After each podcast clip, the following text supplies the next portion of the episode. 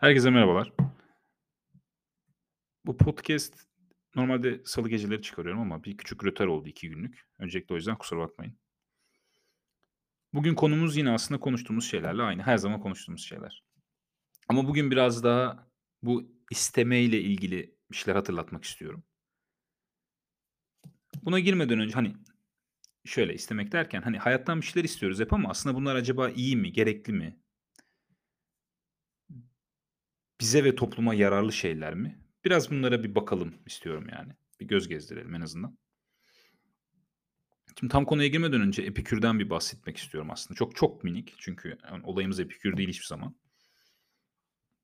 Ama gerek Seneca ya da yani gerek Seneca gerek Markus Epikür'den örnekler veriyorlar bazen. O yüzden çok küçük, küçük hemen bir geçelim. Epikür, Epikürizm diye bir okul var. Bunlar Stoacı okulun rakibi.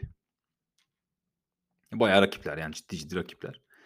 Epikür hakkında da ya da Epikürizm hakkında da hazcı bir felsefe denir. Buradaki haz ilk duyduğumuzda aklımıza fiziksel haz gibi geliyor. Bu doğru değil.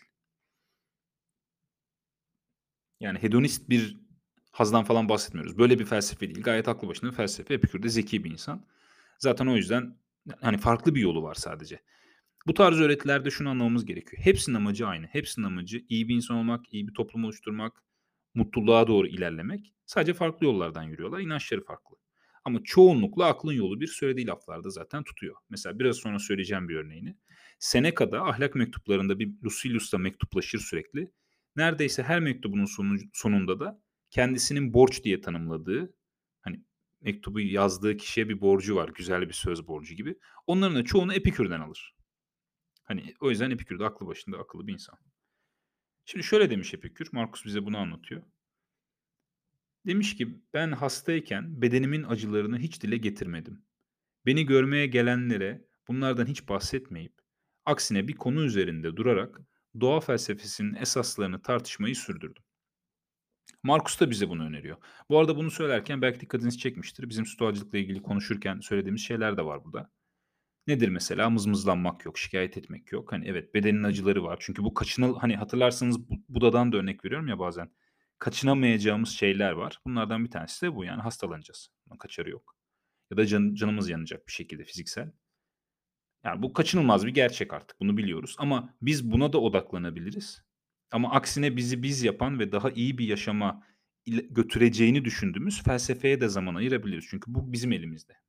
Evet bir fiziksel acı hastalık durumunda bunun kontrolü zorlaşıyor. İnsanın iradesi biraz zayıflıyor.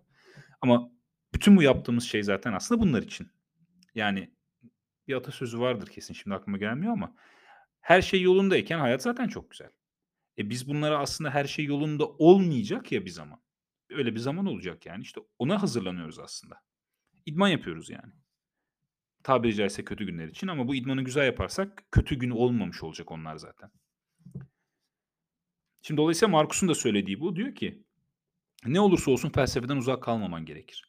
Aslında bizim de yaptığımız ve bu insanların kitaplarında yaptığı şey bu. Aynı şeyi tekrar edip duruyorlar. Yani bunu ne kadar çok okursanız onu görüyorsunuz. Evet hepsi çok güzel. Her okuyuşta ben kişisel olarak yeni yeni şeyler alıyorum. Ama özü hep aynı. Özü hep bunları hatırlamak. Kendimize bunları hatırlatmak ve okumak, dinlemek bunlar yetmiyor tabii. Eyleme geçmemiz gerekiyor. Mesela Epiktetos ne diyordu? Enkeridion'da yanılmıyorsam. İnsanlar yalan söylemenin ne kadar kötü olduğu ile ilgili uzun uzun konuşuyorlar ama yalan söylemeye devam ediyorlar diyor. Dolayısıyla uzun uzun konuşmak, bunları çözmek bu değil bizim olayımız yani. Bizim olayımız bunu yapmamak. Eğer yapılmaması gerekiyorsa yapmayalım. Bunu artık sorgulamaya çok da gerek yok. Bununla beraber Markus şunu da söylüyor. Diyor ki hekimlerin ve ustaların yaptıkları zanaatlerin ilkesine duydukları saygı, insanların kendi yaşam ilkelerine duyduğu saygıdan çoktur diyor. Ve bunu hani biraz şaşırarak söylüyor. Burada kimseyi övüp kimseyi yerme yok bu arada cümlede. Aslında şunu söylemek istiyor. Biz bizi biz yapan şeyleri biraz kenara atıp başka şeylere odaklanıyoruz. Başka şeylere ağırlık veriyoruz. Yoksa burada mesela örnekte doktorlar yanlış iş yapıyor, ustalar yanlış iş yapıyor manasında değil. Aksine insanlar yanlış iş yapıyor burada yani genel olarak. Çünkü öncelikle ilk olarak ve en çok aslında kendi yaşam ilkelerimize saygı duymamız gerekiyor. Çünkü bizi biz yapan şey ne kadar iyi ayakkabı tamir ettiğimiz değil aslında. Ya da ne kadar iyi insan tamir ettiğimiz tabiri caizse yani doktor örneği olarak. Bu değil. Bizi biz yapan şeyler başkaydı. Hatırlarsanız hep konuşuyoruz. Nedir bu? Bizim irademiz, bizim sahip olduğumuz tek şey. İrade de işte görünümleri doğru anlamlandırmak. Çok özetle mutlu yaşam yaşayabilmek aslında. O yüzden burada ben bunu böyle çevirmek istiyorum. Yani şu şekilde çevirmek istiyorum. Yeterince vakit harcamıyoruz biz kendimize. Yani kendi ilkelerimize. Bunları yeterince vakit harcamak yerine başka şeylere harcıyoruz. Şimdi bana şunu diyebilir herkes. Evet bir dünya içinde yaşıyoruz. Bir toplumsal yani bir toplum içindeyiz. Belli görevlerimiz var. Belki ailemiz var. Para kazanmalıyız. Onlara zaman harcamalıyız. Kesinlikle katılıyorum. Bir bu demek değil ki kendi hayatımıza bakmayacağız. Hani iki samimi olarak gerçekten zamanımızın büyük çoğunluğunu biz mesleğimiz için mi harcıyoruz? Belki öyle. Büyük çoğunluğu doğru kelime olmalı ama hiç mi zamanımız yok kendimize ekstradan ayırabileceğimiz? Yani şunu demek istiyorum. Mesela Epiktetos da söylüyor. Diyor ki boş konular üstünde gevezelik etmeyin. Örneğin gladyatör dövüşleriyle ilgili konuşmayın. O Epiktetos biraz daha sert. Spor falan bunlar boş işler. Bunlarla konuşmayın diyor. Buna neden zaman harcıyorsunuz diyor yani. Bu zamanı daha iyi bir şey için harcayabilirsin diyor. Biz açıkçası bunu yapıyoruz yani. Harcamıyoruz. Daha başka şeylere harcıyoruz. Ve bunu da garip bir şekilde şöyle etiketlemişiz. E dinlenmeyelim mi? Ama burada aslında anlatmak istediğim olay şu. Bu arada istemek dedik. 6 dakika oldu. İstemekle ilgili bir şey konuşmadık ama olsun. Siz yatıp dizi izlediğiniz zaman yani düzeltiyorum. Biz yatıp dizi izlediğimiz zaman dinlendiğimizi düşünüyoruz ama aslında hiçbir şekilde dinlenmiyoruz. Bir kere zihnimizi o televizyonda ya da işte neyse bilgisayarda izlediğimiz şey her neyse onunla besliyoruz. Bir kere bu çok ciddi. Hani Instagram'da yapıyoruz bunu sık sık örneğin. Oturuyoruz boş zamanımız var aman bir Instagram'da gezeyim diyoruz. Bu bir iş değilmiş gibi. İş derken hani maddi bir iş değil de zaman harcayan bir görev, görev de doğru kelime olmadı. Toparlıyorum kusura bakmayın. Bu da bir iş aslında öyle diyeyim yine. O dinlenmek değil ki. Biz zihnimizi açıyoruz. Oradan sürekli bir stimülasyon geliyor bize Instagram'dan, Twitter'dan her neyse bu arada herhangi bir şey kötülemiyorum ya da Facebook'tan. Ya da filmlerden, dizilerden. E bu nasıl dinlenmek? Zihin dinlenmiyor ki.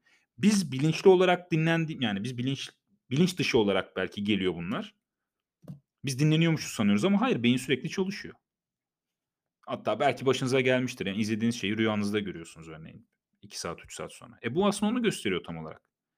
O içeriye yer ediyor aslında yavaş yavaş. Dolayısıyla bunlar dinlenmek değil yani onu da söyleyeyim. Şunu demek istiyorum.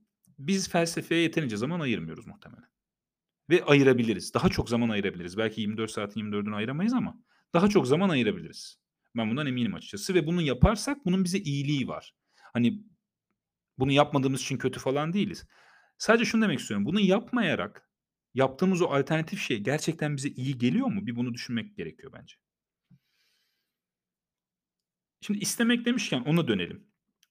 İstemek sorun değil. Burada anlaşalım. Epiktet hatta bunu konuşmuştuk. Epiktetos söyler. Yani bir şey istiyor olmak kötü değil. Bir sorun yok bunda. Sorun şu zaman ortaya çıkıyor. Elimizde olmayan şeyleri istersek sorun çıkıyor.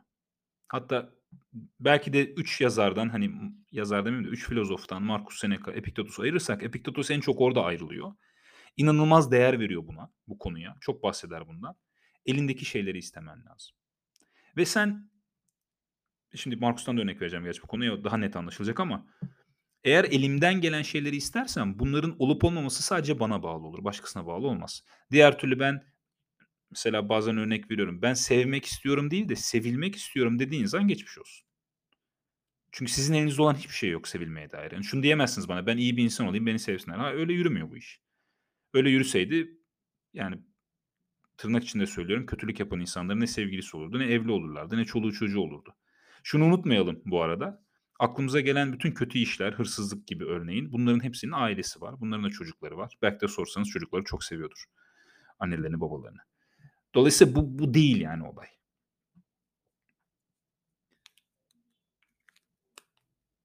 Biz elimizde olanı istemeliyiz.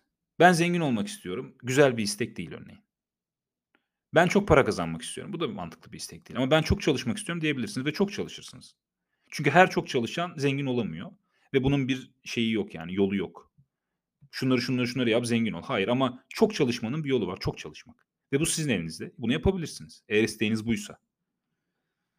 Yani diğeri sizin elinizde olmadığı için söylüyorum. Şimdi Marcus Aurelius diyor ki dua ederken bile yanlış dua ediyoruz diyor. Mesela biz Markus'un tabirini söylüyorum burada. Şu kadınla yatabilsem diye dua ediyoruz. Yani şu insanı tavlayabilsem diye dua ediyoruz ama şunu demiyoruz. Şu kadınla yatmayı istemesem diye dua etmiyoruz. Bu örneği verme nedenim kitapta direkt böyle geçmesi bu arada. Ya da şu insandan kurtulabilsem diye dua ediyoruz. Ama bu insandan ya da şu insandan kurtulmayı istemesem diye dua etmiyoruz. Burada aslında çok gerçekten çok net bir ayrım var. Birinde hiçbir şekilde sorumluluk istemiyoruz.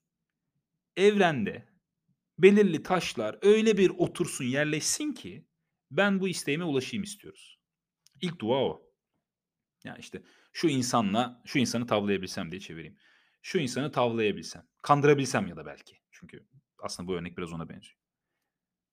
Yani her şey yerine öyle bir otursun ki o insan yelkenleri indirsin benim karşımda diyoruz biz. Halbuki Marx'un dediği gibi bu stoacılığa göre böyle bir istek hoş karşılanmıyor bu arada. Hani onun için net bir şekilde bunu istemesem diyoruz. Ben bu hisleri taşımasam diye dua edebilir. Çünkü eğer bir tanrıya inanıyorsanız örneğin ve ona dua ediyorsanız ki bana göre duanın amacı daha farklı. Bundan bahsetmiştik. Gene yani gene bahsederim ama bu benim fikrim. Herhangi bir şekilde ne akademik ne de dini bir temeli var. Ben böyle düşünüyorum sadece. Ama siz gerçekten bir tanrıya inanıyorsanız ve bunun yani bu varlığın her türlü kudrete sahip olduğuna inanıyorsanız o zaman gerçekten hangisini istemek daha mantıklı? Yani en azından şunu bile kabul edebilirim. İstemesem değil de ikna edebilecek becerilere sahip olsam atıyorum. Ya da o o motivasyonu yakalayabilsem falan dense yine anlayacağım ama burada genellikle gerçekten bizim dualarımız ya da isteklerimiz işte hep istemek üzerine. Ve bu konuyla ilgili bizim ne katabileceğimiz üzerine dualar etmiyoruz. Yani her şeye gücü yeten bir varlıktan biz bayağı piyango bekliyoruz yani.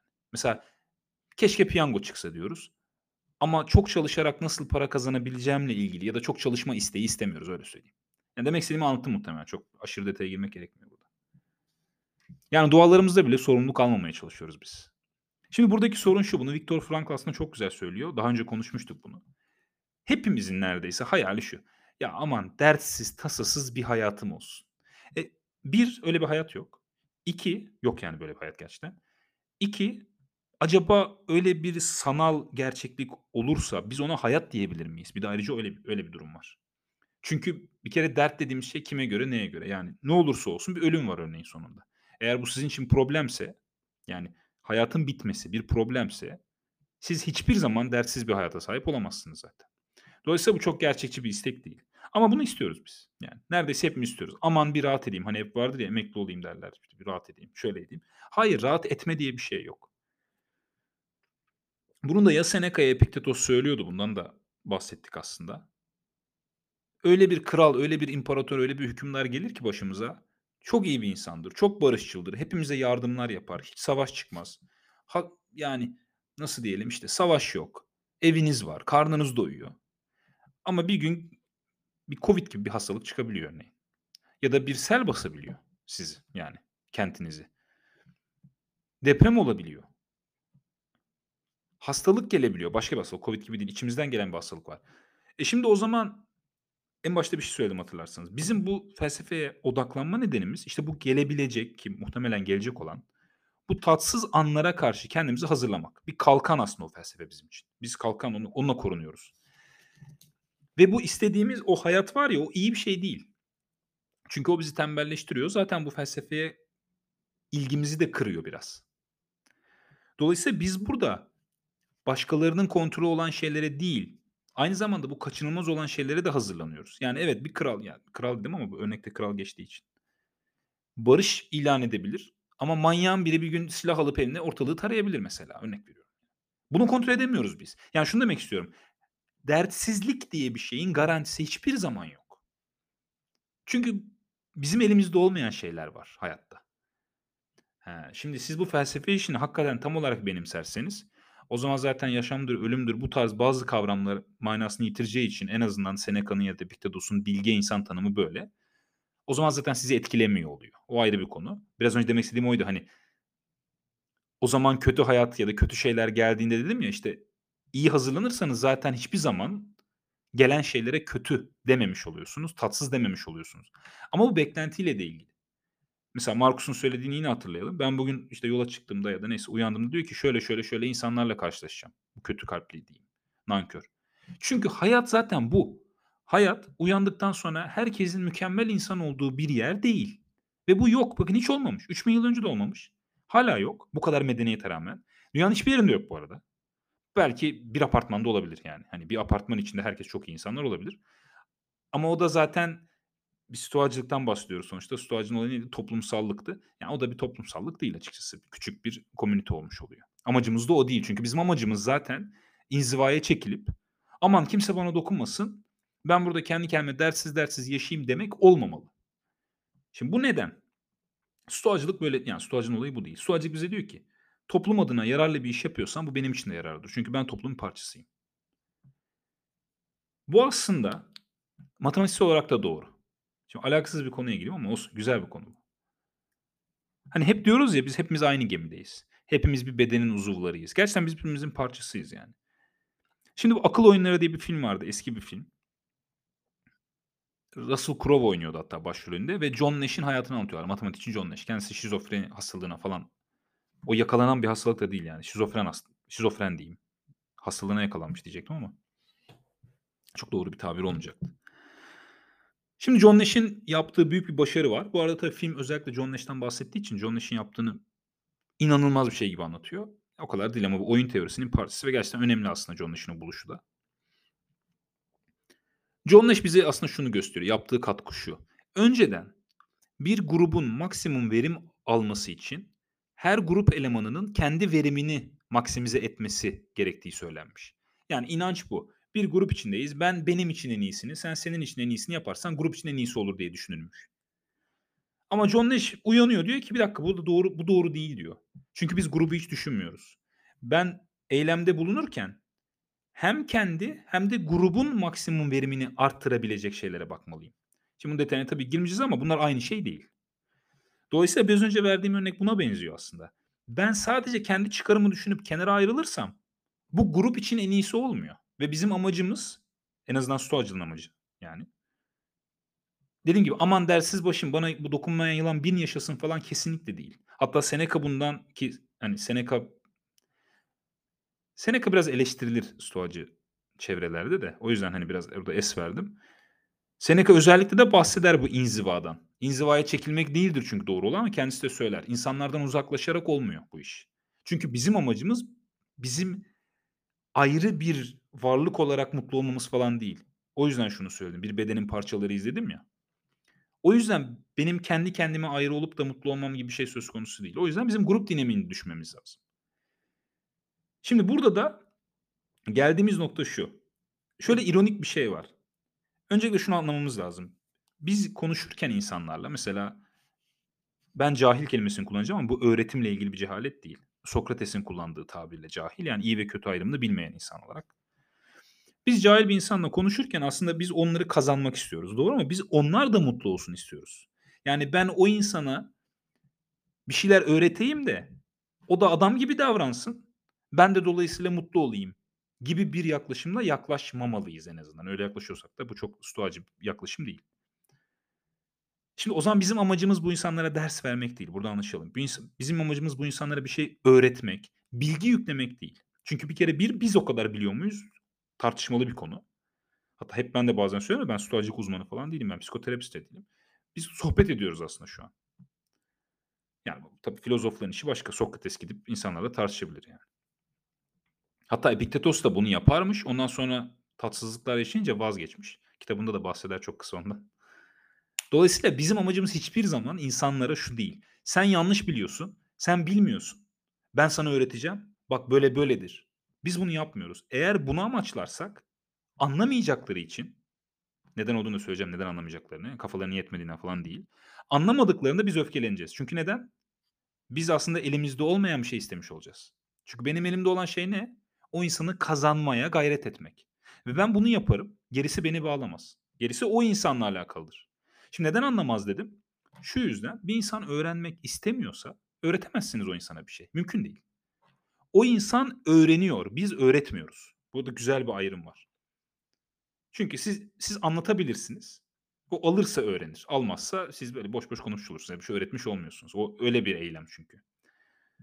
Dolayısıyla burada isteğimizin net bir şekilde ortaya konması lazım. Bunu Markus söylüyordu.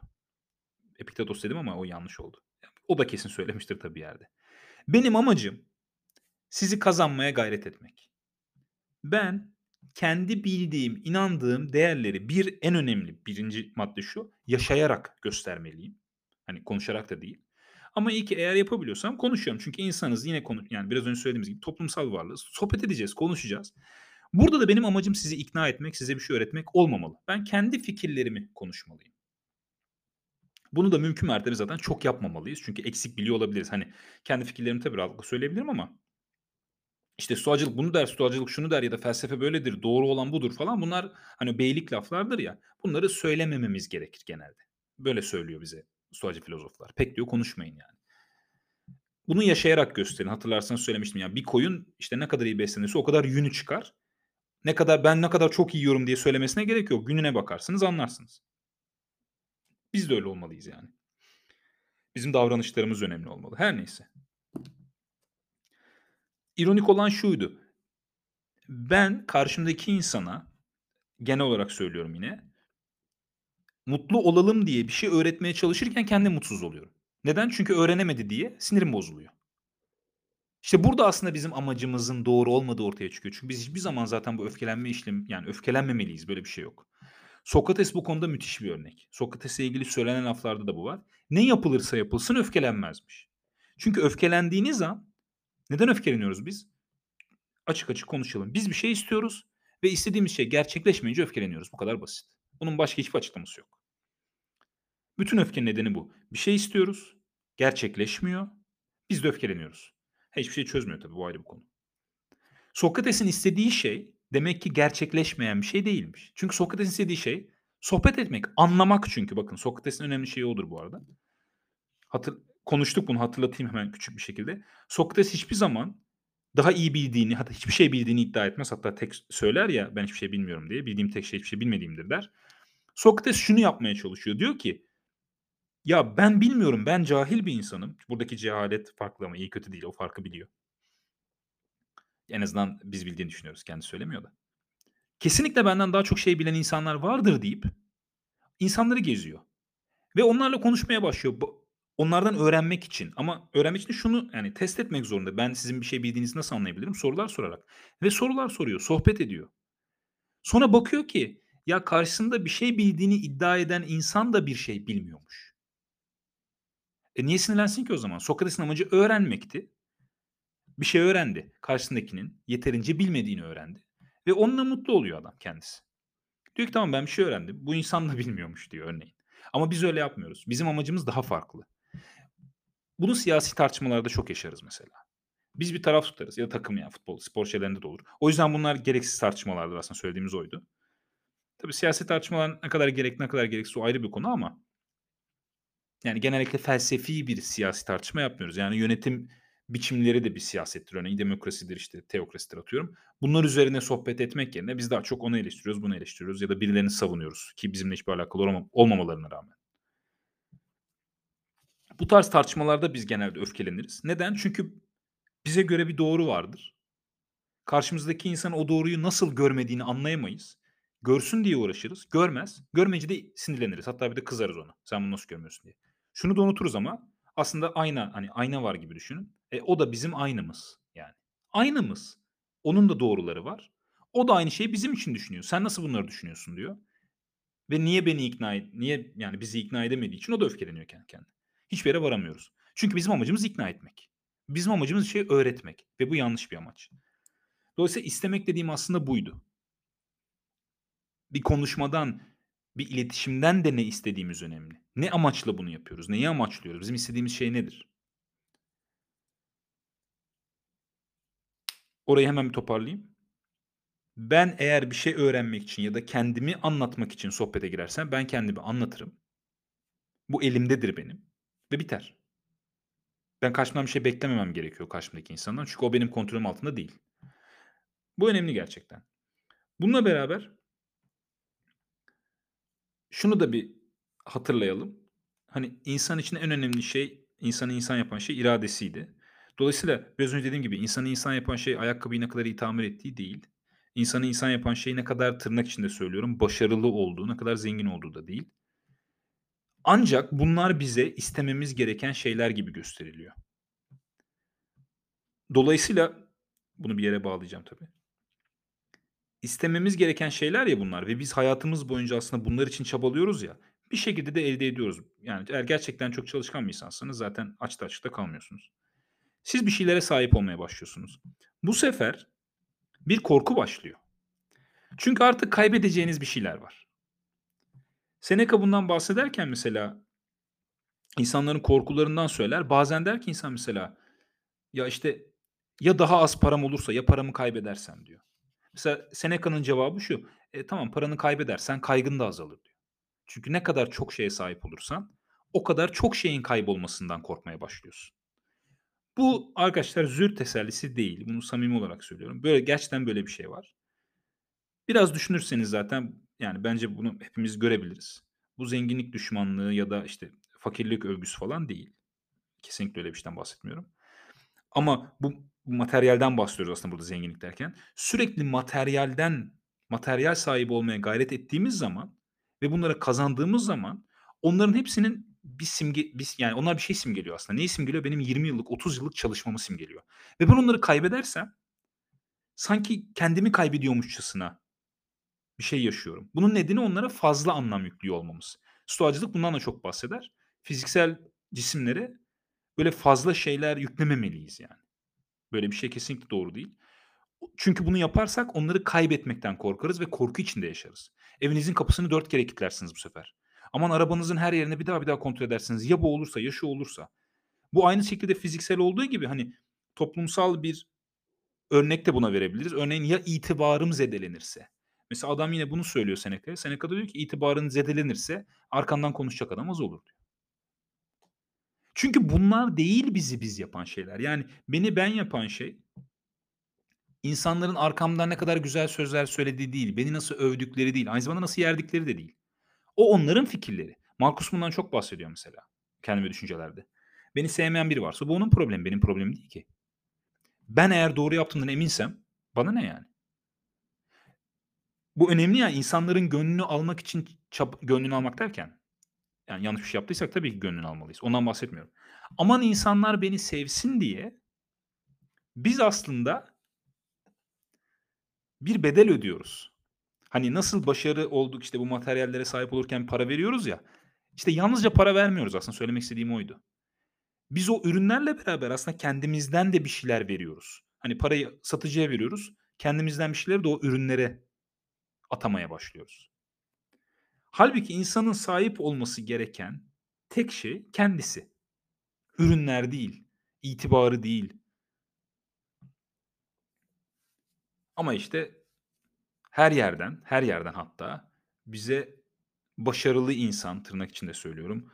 Olması gereken insan, örnek insan, ideal insan diye hatta ilkokuldan başlar. Sen niye 80 aldın da o 90 aldı, sen niye alamadın şeklinde daha oradan başlıyor bu. Halbuki bizim 80-90 almamıza verilen emekten daha ciddi bir emeği bizim iyi bir insan olmak için harcamamız gerekiyor. İyi bir insan da hani hep söylüyorum ama tekrar etmeyeyim orayı. İyi insan derken de hani fazla bağış yapan insandan falan bahsetmiyorum. Yani iyi insan, ahlaklı insan, dürüst insan.